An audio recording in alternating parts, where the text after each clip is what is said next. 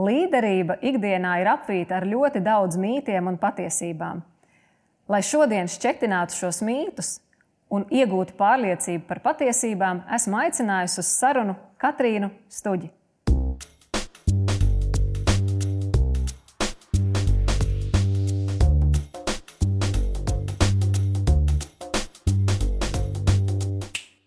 Turpinot eh, diena pēc eh, līderības raidījuma sēriju, eh, šodien vēlos runāt par kādu ļoti interesantu aspektu līderībā, par līderības mītiem un patiesībām.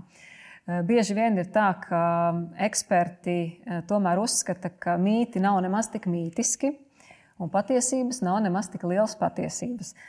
Šodien ar, ar Katrīnu, ar tevi vēlos pārunāt vairākus no mītiem. Es kopā esmu salikusi astoņus mītus, un es zinot to, ka tu esi tiešām liela uzņēmuma grupas vadītāja ar eh, lielu pieredzi arī ne tikai alkoholisko dzērienu ražošanā, bet arī citu nozaru vadībā, tā skaitā finanšu uh, jomas vadībā, uh, gribu vadīt mūsu klausītājus cauri šīm tēmām. Un, uh, es arī piefiksēju, ka tie tavi ieraksti LinkedIn par dažādām līderības tēmām uh, ir viena no ļoti interesantām lasām vielām. Un, jebkuram, kurš, kurš šodien klausās raidījumu, es noteikti iesaku sekot eh, tev LinkedIn, lai uzzinātu eh, svaigākos stāstus no pasaules eh, domātājiem un pasaules viedokļu līderiem par līderību un dažādām citām tēmām. Nu, ko, ķeršos klāt pie jautājumiem. Viens no teiksim, līderības aspektiem uh, skan tā, ka līderiem ir uh, jāstrādā gudrāk, nevis uh, smagāk. Un es personīgi um, nu, piekrītu tādam viedoklim, ka tas ir ļoti liels mīts, jo liela sasnieguma dzīvē tomēr bez nu, tāda ievērojama darba nav iespējami. Kāds ir tavs skatījums par šo mītu? Gan patiesība, gan nē. Es piekrītu, ka neko sasniegt bez liela ieguldījuma darbā nav iespējams. Bet es ļoti atbalstu par to, ka jāstrādā gudrāk. Ko nozīmē gudrāk? Jāstrādā ar visāda veida e, efektivizāciju. Visu, ko var darīt ātrāk, ir jāizdara ātrāk.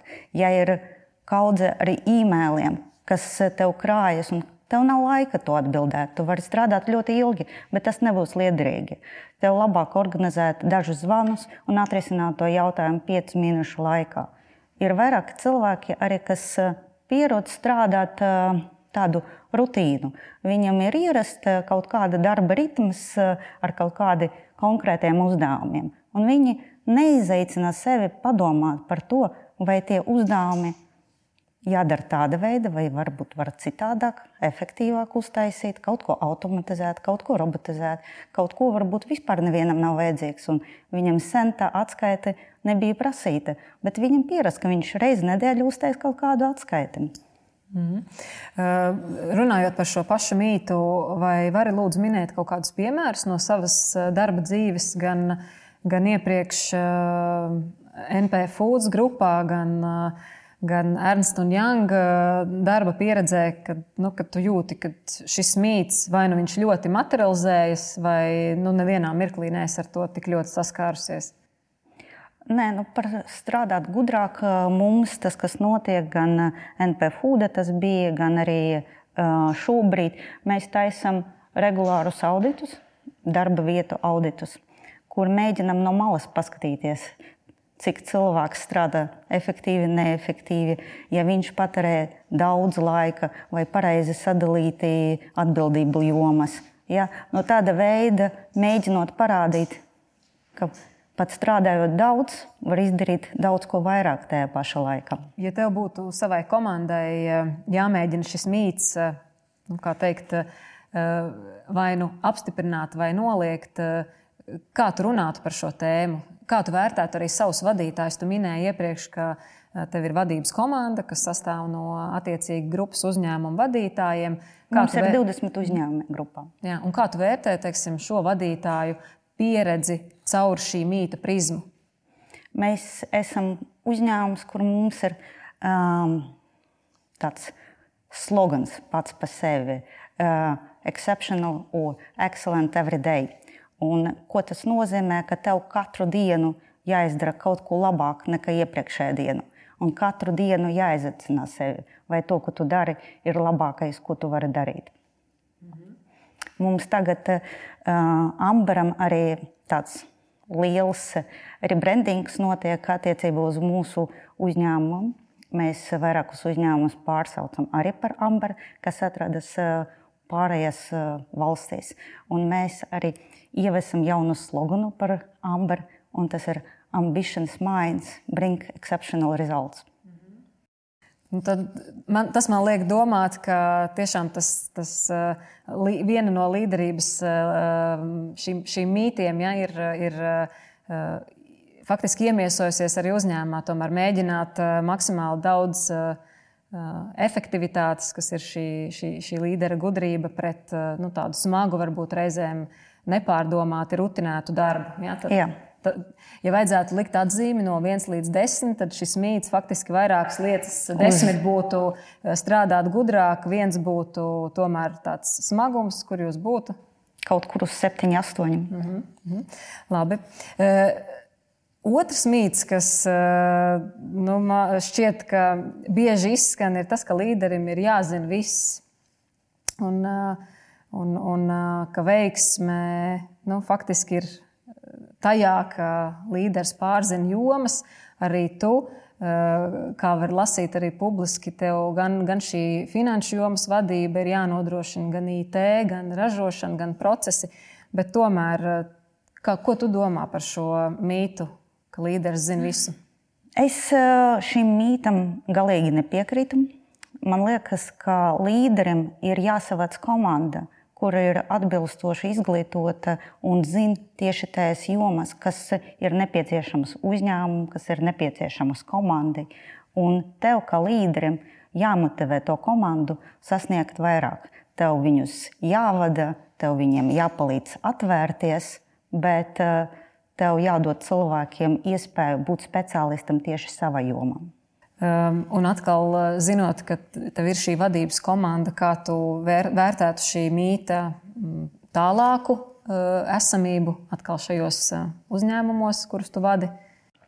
Um, principā mums ir tā, ka mums, tad, kad notiek operatīva sapulce, mēs reizi nedēļā runājam par saviem sasniegumiem, tad mums šīs arī ir ļoti liela mēra tiek runāts ar to, ka katrs eh, vadītājs padalās ar kaut kādiem sasniegumiem viena vai otra joma, attiecīgi daloties ar savu pieredzi. Tā kā ja citam vadītājam kaut kas no tā pietrūkst, viņš var paņemt savu pieredzi no blakus uzņēmuma. Mm -hmm.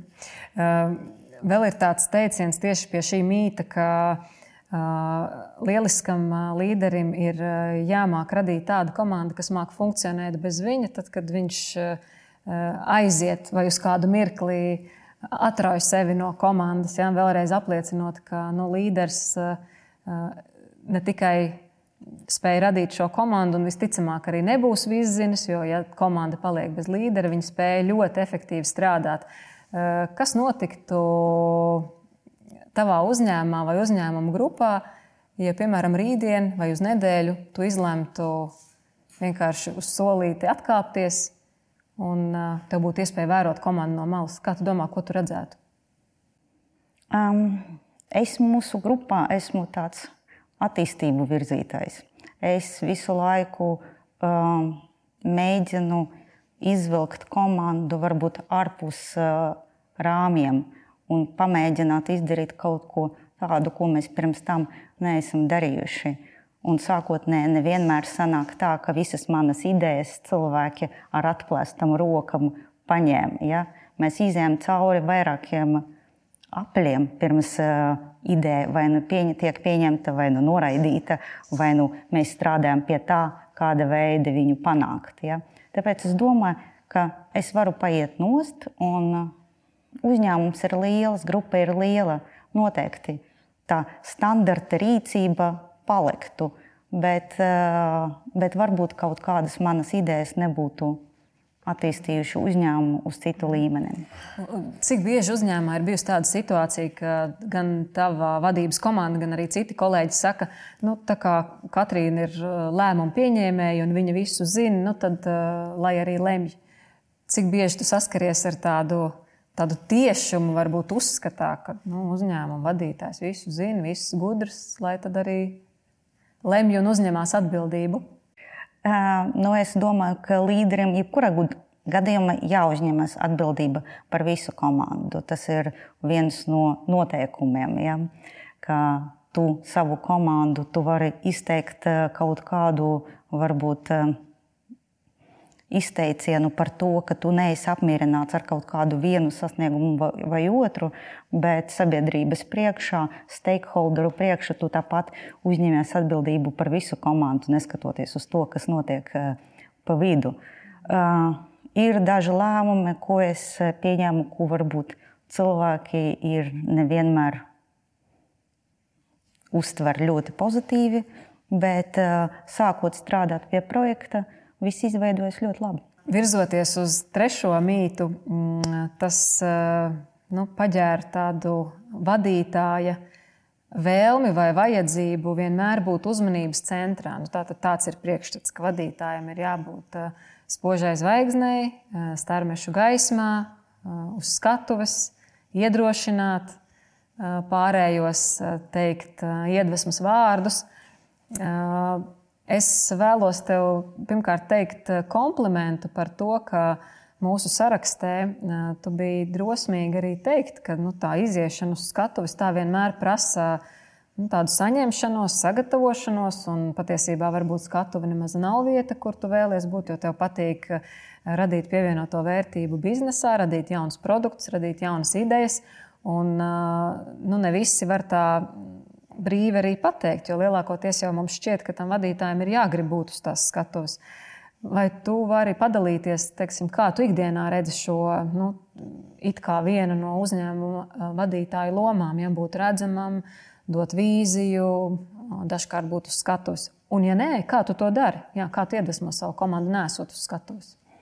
Um, nu es domāju, ka uzmanības centra var sadalīt divos virzienos. Ja? Viena lieta būtu skatuves un runāt lielas runas, ja, un būt oratoram. Protams, ir vairāk cilvēki, kas tas ļoti labi padodas. Ja?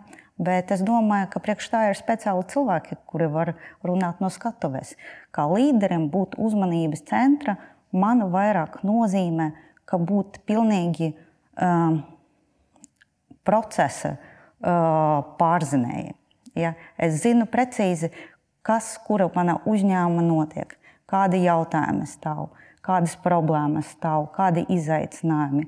Man uzmanības tāds centrs liekas vairāk kopējo procesu pārzināšana un būt piemērs citai komandai, kā jāuzvedas, kā jāveido kultūru, kā jāveido kaut kādas komandas garu, veid, regulāri runājot ar komandu. Uh, regulāri iesaistoties vairākus jautājumus, ko jāatrisina un nebaidoties risināt.